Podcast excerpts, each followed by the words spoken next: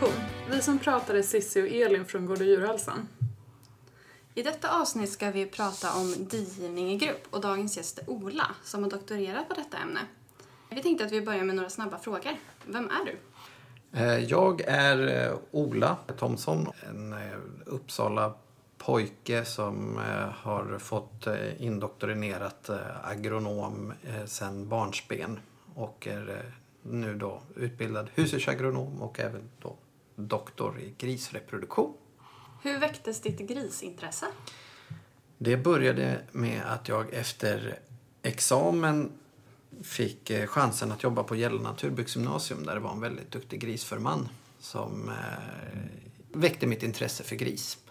Och eh, sedan så blev det en kort traineetjänst på Svenska Pigg när det fanns. Och eh, då väcktes det ju ännu mer och så ville jag ju forska och så dök det upp en eh, forskartjänst om ekologisk grisproduktion och väldigt praktiskt inriktad forskning. Så då tog jag chansen och jag fick den också då. Så det är därifrån det kom. Kul. Vad arbetar du med idag? Är du kvar inom grisnäringen eller?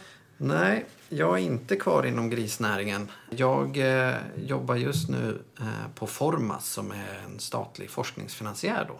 Och framförallt då med de areella näringarna. Så att jag har ju nära kontakt med både gris och även de andra djurslagsforskning så att säga. Så det är mer forskning. Din doktorand handlade ju om eh, gruppvis digivning. Vad är det för någonting? Ja, gruppvis digivning, eh, det är ju när man har suggor tillsammans med smågrisar i en stor box. Eh, och där då eh, de går tillsammans och diar. Varför har vi gruppvis digivning inom ekologisk produktion i Sverige? Ja, jag tror att anledningen är till när då den ekologiska, liksom själva grundidén med det ekologiska är ju att suggorna ska få bete sig så naturligt som möjligt. Eller grisarna ska få bete sig så naturligt som möjligt. Och i naturen så är det ju så att suggan går ju iväg och bygger bo och grisar och sen ungefär en vecka, sju till nio dagar senare så går de tillbaka till sin flock med sin kull. Eh, och det är lite det man vill efterlikna i den ekologiska grisproduktionen. Så där, därav kommer det. Eftersom du doktorerar på det så kan vi tänka oss att det är ett ämne som man behöver veta mer om. Hur kommer sig det? Eller varför liksom blev det en doktorandtjänst från början? Vad är problematiken? Problematiken för min doktorandtjänst, det var ju om man säger tre stycken eh, produktionsflaskhalsar där som man hade börjat titta på. Det var ju då bland annat då förekomsten av dibrunster. Du hade en eh, hög smågrisdödlighet och sen också att du hade en väldigt stor eh, viktskillnad på smågrisarna vid avvänjning. Eh, Och alla dessa tre har ju en viss inverkan då på om man säger, effektiviteten i grisproduktionen. Och då hänvi, eller kunde man härleda det här på något sätt då till den här gruppvisa digivningen? Eller hur kom det sig att det blev ämne? Eller förstår du min tanke? Ja, delvis då så var det ju ett projekt där i mitten av, ett annat doktorandprojekt i mitten av 90-talet som Fredrik Hultén gjorde där man såg då den här förekomsten av dibrunster och att det blev ett förlängt grisningsintervall och sådär. Där visste man ju om att den problematiken fanns eh, och sedan så är det också andra studier då som har visat att det är en, var en högre smågrisdödlighet och att just att man har den här gruppdigivningen och den miljön som är där är lite tuffare än vad den är till exempel i en individuell grisningsbox.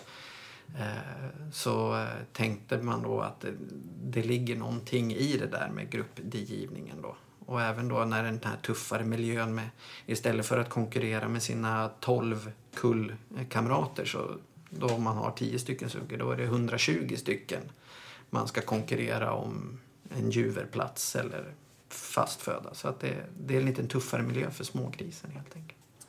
Eh, när i digivningen passar sammanslagningen bäst? Ja. Om man tänker på grisålder, smågrisålder. smågrisålder. Eh, då man tittar på den forskningen då som jag gjorde så skulle jag ju så då säga ju senare desto bättre. Sen är det ju alltid att det är utifrån de förhållanden som var då. Eh, men vi såg ju att om man släppte ut smågrisarna när de var tre veckor gamla så var det ju färre som dog egentligen i den här gruppdigivningsboxen mm.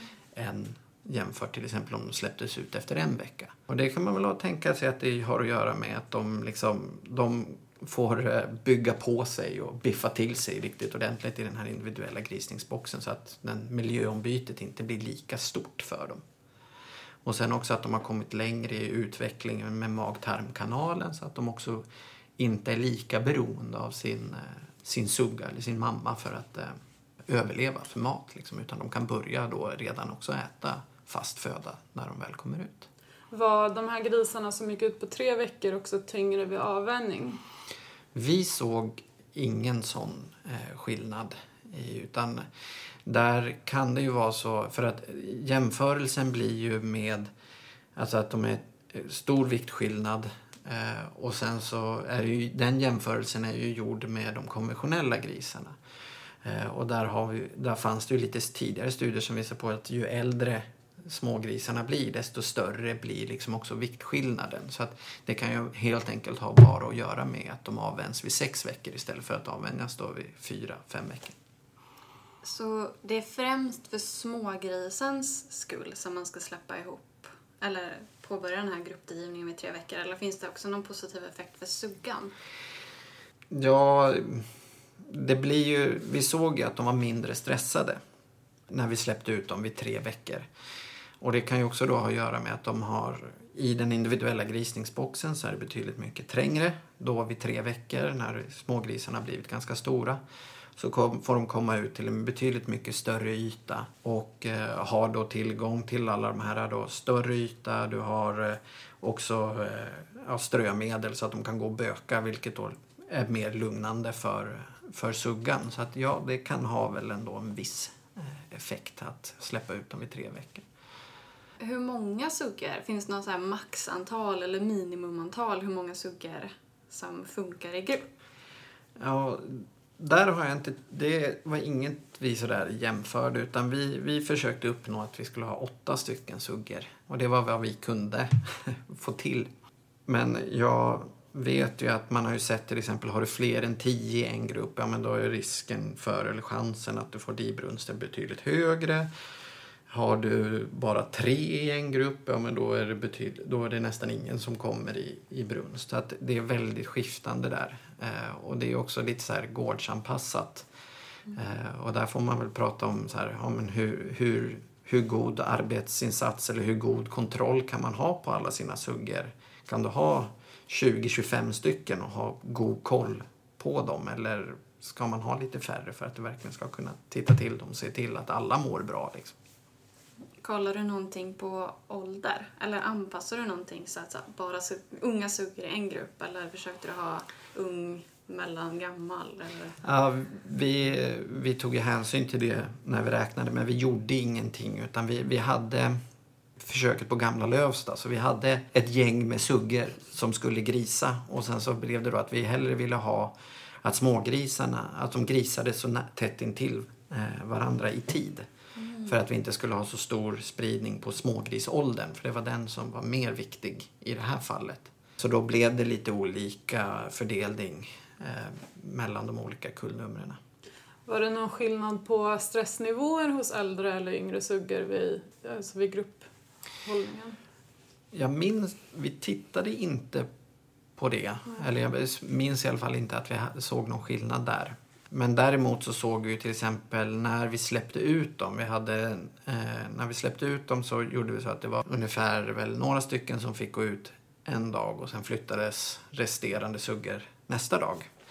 Eh, och då såg vi ju bland annat att ja, men äldre suggor attackerade eh, de yngre oftare eh, och fick mindre stryk tillbaka om man säger så. Mm. Blev attackerade färre gånger. Och även de som då flyttades ut första dagen, det var de som attackerade mest. Och de som kom, blev inflyttade så att säga, de fick motta fler eh, attacker. Så att eh, man kan väl säga att det kanske där finns en viss eh, så, nivå av skillnad i, i stress, välmående. Men det var inget vi tittade på. Mm. Utan det bara spekulation. Så egentligen kan man dra slutsatsen att de här äldre suggorna är bitchigare? ja. Och, men där är ju också lite det här att man beroende på har de då säger hur, hur lång tid har det gått från det att de gick i dräktighetsavdelningen tillsammans och hur stabil är liksom gruppen. Eh, skulle till exempel gruppen vara välbekant med varandra så har de gått då i, det blir fyra veckor separation då, en vecka inne, innan grisning och så tre veckor. Och sen släpps ihop, hur, hur mycket behöver de rangordna sig eller hur mycket känner de igen varandra där?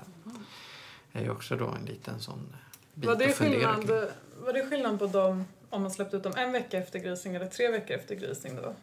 Ja, det var inget vi tittade på Nej. utan det är också bara så här spekulationer och fundera vidare kring. Eh, Jag vet att man har gjort lite sådana här studier med just lite så här hur väl kommer suggorna ihåg varandra. Nu hade vi ju också då att de inte gick dick i de grupperna för att vi visste ju inte vilka som skulle grisa när. Så det blev ju mer att ja, nu har den och den och den och den grisat. Ja, men då har vi åtta stycken här emellan. De tar vi. Det- Jag kan flika in att det ser vi om vi har två gyltor som är systrar i en grisningsgrupp. Att de två sover ju alltid tillsammans när vi släpper ihop dem sen. Då verkar de faktiskt minnas varann. Men det kan också vara för att de gyltorna går ihop och de går inte med suggorna från början ju. Men de, de går ofta iväg själva de två liksom. Men det är intressant att det verkligen känns som att det är liksom ett helhetstänk hela vägen. Att man kan inte bara tänka periodsvis utan att man får tänka till. Hela grisningscykeln typ. Mm. Det var en intressant, vi filmade ju de här helt konstant. Och så satt jag och tittade på de här filmerna och det var just när vi satt och tittade på just attacker så var det en spännande incident. För då var det tre stycken Eh, suggor som hade släppts ut och då var det en gylta, och så, eller en förstagångsgrisare och så två äldre. Och de här två äldre, eh, eh, förstagångsgrisaren hon la sig i ett hörn då. Och ganska utsatt. Men vid ett specifikt tillfälle så gick då de två äldre ihop stod bredvid varandra och så lite grann så här att de tittade på varandra, nickade lite grann och så sprang båda två mot den här första gångsgrisaren i hörnet. Så att, eh, ja, det är kanske viktigt med de där banden Ja, sen tidigare liksom. Så gängmobbning. Men eh, det här systemet, man kan väl också säga att det kallas Västgötamodellen. Mm. Eh, det var väl ganska vanligt? Eller är det inte Nej, riktigt samma? ja, inte riktigt. Västgötamodellen som jag har förstått, då har du ju boxarna redan i ströboxen. Eh, och sen plockar man bort så att de är på samma plats hela tiden. Ja, här hade vi ju grisningar liksom i ett grisningsstall och sen så fick de gå bort till den här gruppboxen. Jag tänker skillnaden är kanske att västgötamodellen så går suggorna ihop innan grisning. Så de har redan ett rangsystem. Sen går de in och grisar själva. Men de, de är fortfarande med gruppen från början. Mm. Att här är att de grisar själva och sen körs de ut. Kan man säga någonstans. Ja. Att det kanske är det som är skillnaden. Men det känns som att det var ganska vanligt för några år sedan eller för ett tag Ja. sedan. Men att det har trappat av liksom.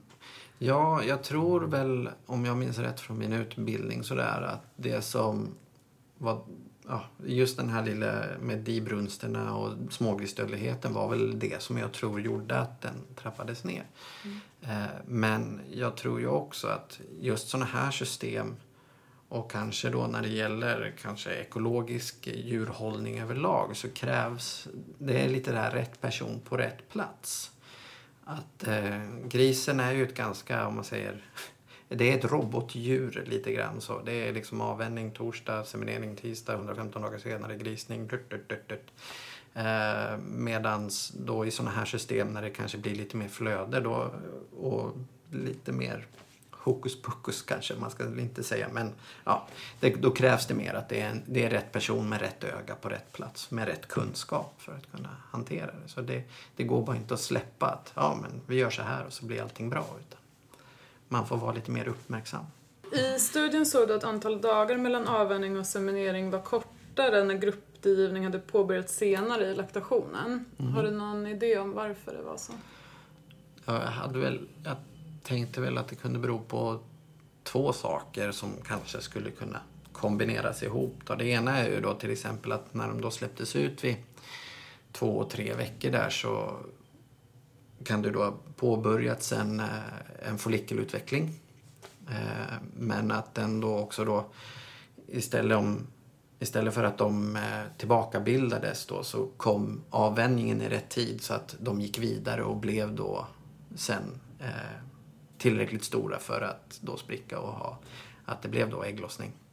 Och det andra är ju då kanske också då i kombination med att när de då släpptes ut vid två, tre veckor så blev avtrappningen i difrekvensen eh, betydligt mer stimulerande för att sätta igång igen i den här brunstcykeln.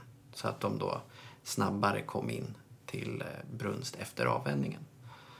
Eh, och det har ju att göra med lite grann att vi, vid ungefär tre veckor så säger man då är de ju i topp i laktationen. Därefter så avtar det ju. Eh, och även redan vid andra veckan så har ju initiativet till den digivning har ju skiftat då ifrån att vara suggans i början som säger kom mina små grisar, nu ska ni få mat. Till att bli smågrisen som säger kom mamma, nu vill vi ha mat. Eh, och då blev det ett ganska skönt avbrott eller vad man ska säga med den här utsläppningen vid två, tre veckor.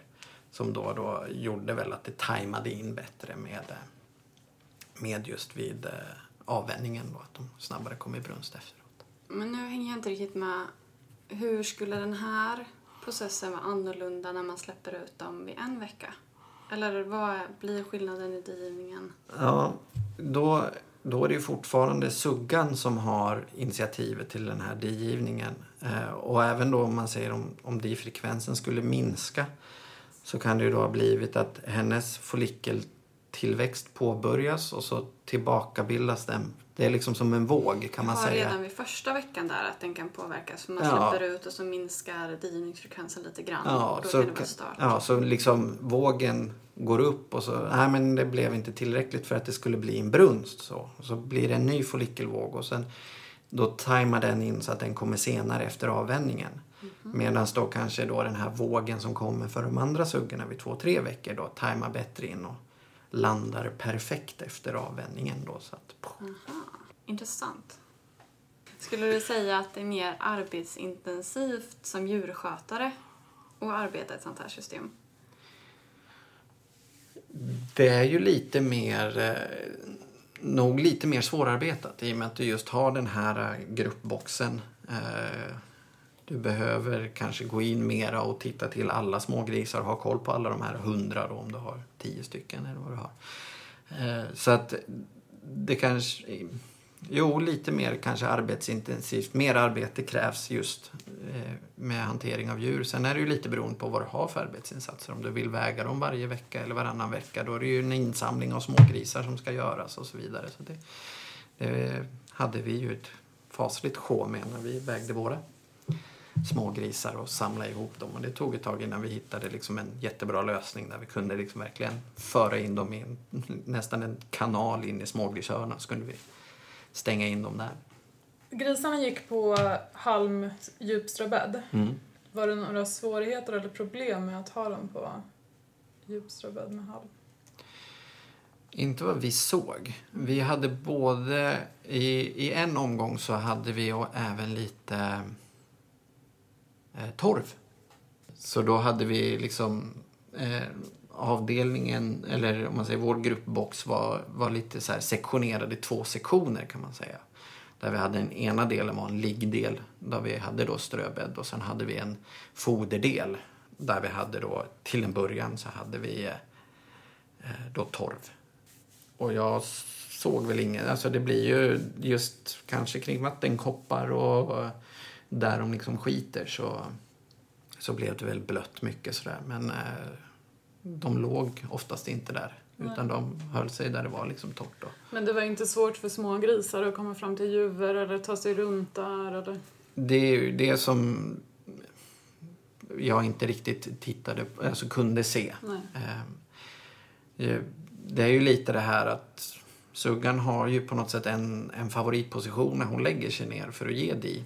Och eh, innan eh, hon gör det så är det vanligt att bland annat att hon gör en liten grop i, i halmen till exempel och lägger sig ner. Och då kan man ju spekulera i om smågrisar då som har, har sin juverdel längst ner eh, när suggan lägger sig ner har svårare att komma åt sin, speciellt då lite senare när grisarna är lite större, svårare att komma åt juver, sin juverdel då. Och kan då påverkas möjligtvis negativt av det då, att de inte får i sig tillräckligt med mjölk. Så det, det är ju en liten, så att man skulle väl kanske vilja ha att de lägger sig på en ganska tom yta och ger di då. Och sen har vi också det här att många, och det såg vi också, att många gav, ställde sig upp också och eh, diade ståendes. Finns ju, ja, de löser det på många olika mm. sätt de där grisarna. Det finns ju ett, jag vet inte om man säger fenomen, men så här eh, tjuv små grisar mm. som springer runt och så diar de på en och sen passar de på att ta en tjuvdi hos någon annan. Mm. Var det någonting som du såg i ditt försök? Eh, vi kunde inte riktigt... Eh, på vår videoupptagning så kunde vi inte identifiera vilka smågrisar eh, som var var någonstans. Utan vi kunde bara identifiera suggan. Och att nu lägger sig den suggan ner och nu ger hon di. Och nu slutar det. Liksom vi, kunde inte, vi hade inte så bra bilder så att vi kunde identifiera varje liten smågris. Och det är ju också lite sådär svårt i, i ett sånt här system där du har allihopa går tillsammans. Mm. Synkade de digivningen? Det tycker jag att de gjorde. Eh, vi räknade ingenting på det sådär. Men jag tyckte att de gjorde det och jag kunde även se då, för att det blev ungefär en gång i timmen att de gav di. Men vi kunde ju då se att när vi hade de här tre boxarna tillsammans och i och med det att det också är ett, eh, en ljudkommunikation i samband med digivningen så kunde man ju se då att helt plötsligt så eh, ja, det var så här 20 minuter sen så fick den här gruppen en digivning och så springer alla smågrisar bara direkt till sina suggor helt plötsligt. Ja, det var ju konstigt. Och sen så tittade jag på nästa video på boxen bredvid och då kunde jag se att de låg ju då ungefär en, en 20 minuter emellan varandra. Så när liksom den nästa box var dags för digivning då reagerade även de andra smågrisarna i boxarna bredvid. Mm. Och det, det är väl en sån här grej som kan ha spelat roll just för mitt resultat. Att kanske alla de här synkroniseringarna eller överhörningarna gjorde att jag inte kunde se någon riktigt så distinkt skillnad mellan de olika skötselrutinerna. Mm. Nej, det erfar jag. Man gjorde mitt exjobb som gick ut mm. på att jag skulle väga små grisar i samband med diivning. Mm. skulle jag väga tre diivningar och ja, det tog tre timmar. Ja. Det var inte så att man kunde försöka göra två samtidigt i alla fall. Nej. Så det är lite häftigt. Vi har ju sagt att, vi, att det vanligaste är med halm. Mm. Och nu så, jag vet inte, det här kanske är lite utanför ämnet, men det är ju lite brist på halm nu. Mm. Vad, kommer det påverka det här systemet tror du? Finns det något substitut man kan använda istället för halm? Du nämnde torv. Skulle det gå att ersätta en hel halmbädd med bara torv? Det, det, vet jag inte. Utan det, väl, det viktigaste är väl kanske att det, det inte är giftigt eller farligt för smågrisen och suggan. Eh, och att det ska vara bökbart. Mm. Mm. Men du kollade bara, eller bara ska man inte säga, men du tittade inomhus. Du mm. kollade ingenting på bete eller? Nej, vi hade inte möjlighet till det. Eh, och det var väl också en, eh, eller det var inte det som var skillnaden. Men ja, vi, vi tittade bara på när de gick inomhus i en sån här grupp också. Och sedan eh, tittade vi ju från, vårt projekt pågick från augusti till 14 december. Eh, så det var under den perioden. Så det här med dibrunster kanske inte vi riktigt fick fram i och med att man ser då att dibrunster egentligen är mer förekommande liksom december till februari och även ja, in till maj. Så är det högre förekomst av dibrunster. Varför ser man dibrunst som ett problem då? Ja, därför att du får ju inte då den här omgångsuppfödningen som man vill vill uppnå. Dels det är ju en viss effektivisering men det är ju också ett otroligt bra smittskydd för smågrisen. Eh, och att vi inte då behöver använda just antibiotika i förebyggande syfte. Eh, utan eh, man, eh, man har en omgångsuppfödning så man inte blandar smågrisar som är yngre och äldre med varandra så att de smittar och inte heller suger. Vad tror du är den ultimata boxutformningen för gruppvis digivning? Oh. Det, det som är... Jag skulle vilja flika in här och det kanske ni som är mer uppdaterade på grisområdet är. Men sist jag tittade i, om man säger då, Kravs regelverk så finns det ingenting som säger att lakterande suggor ska gå med smågrisar i grupp. Så det är ju en liten sån här rolig grej varför man gör så. Och eh, jag är ju mer intresserad av att kanske utveckla ett system och titta närmare på kan man utveckla en ekologisk grisningsbox eh, där du till exempel har tillgång till utevistelse. Lite grann som till exempel en eh, hundgård eller någonting. Att man kan ha en individuell koll på sin suggan och hennes smågrisar. Men hon har den ytan hon ska ha enligt då regelverken. Och sen så öppnar man upp till en rastyta utanför. I alla fall när det inte ska vara betesperioden. Så du tänker att den ultimata gruppdigivningen är en sugga med kultingar? ja.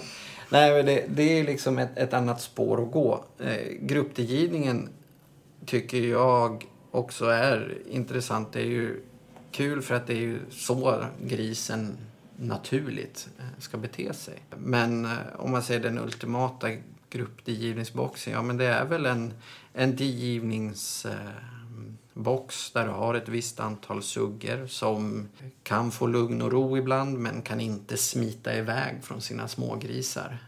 Så att en väldigt enkel box. Men det är som sagt var, det, det, är svårt att säga vilka som är den absolut bästa. Ja, alla, alla ser ju olika ut som ja. finns.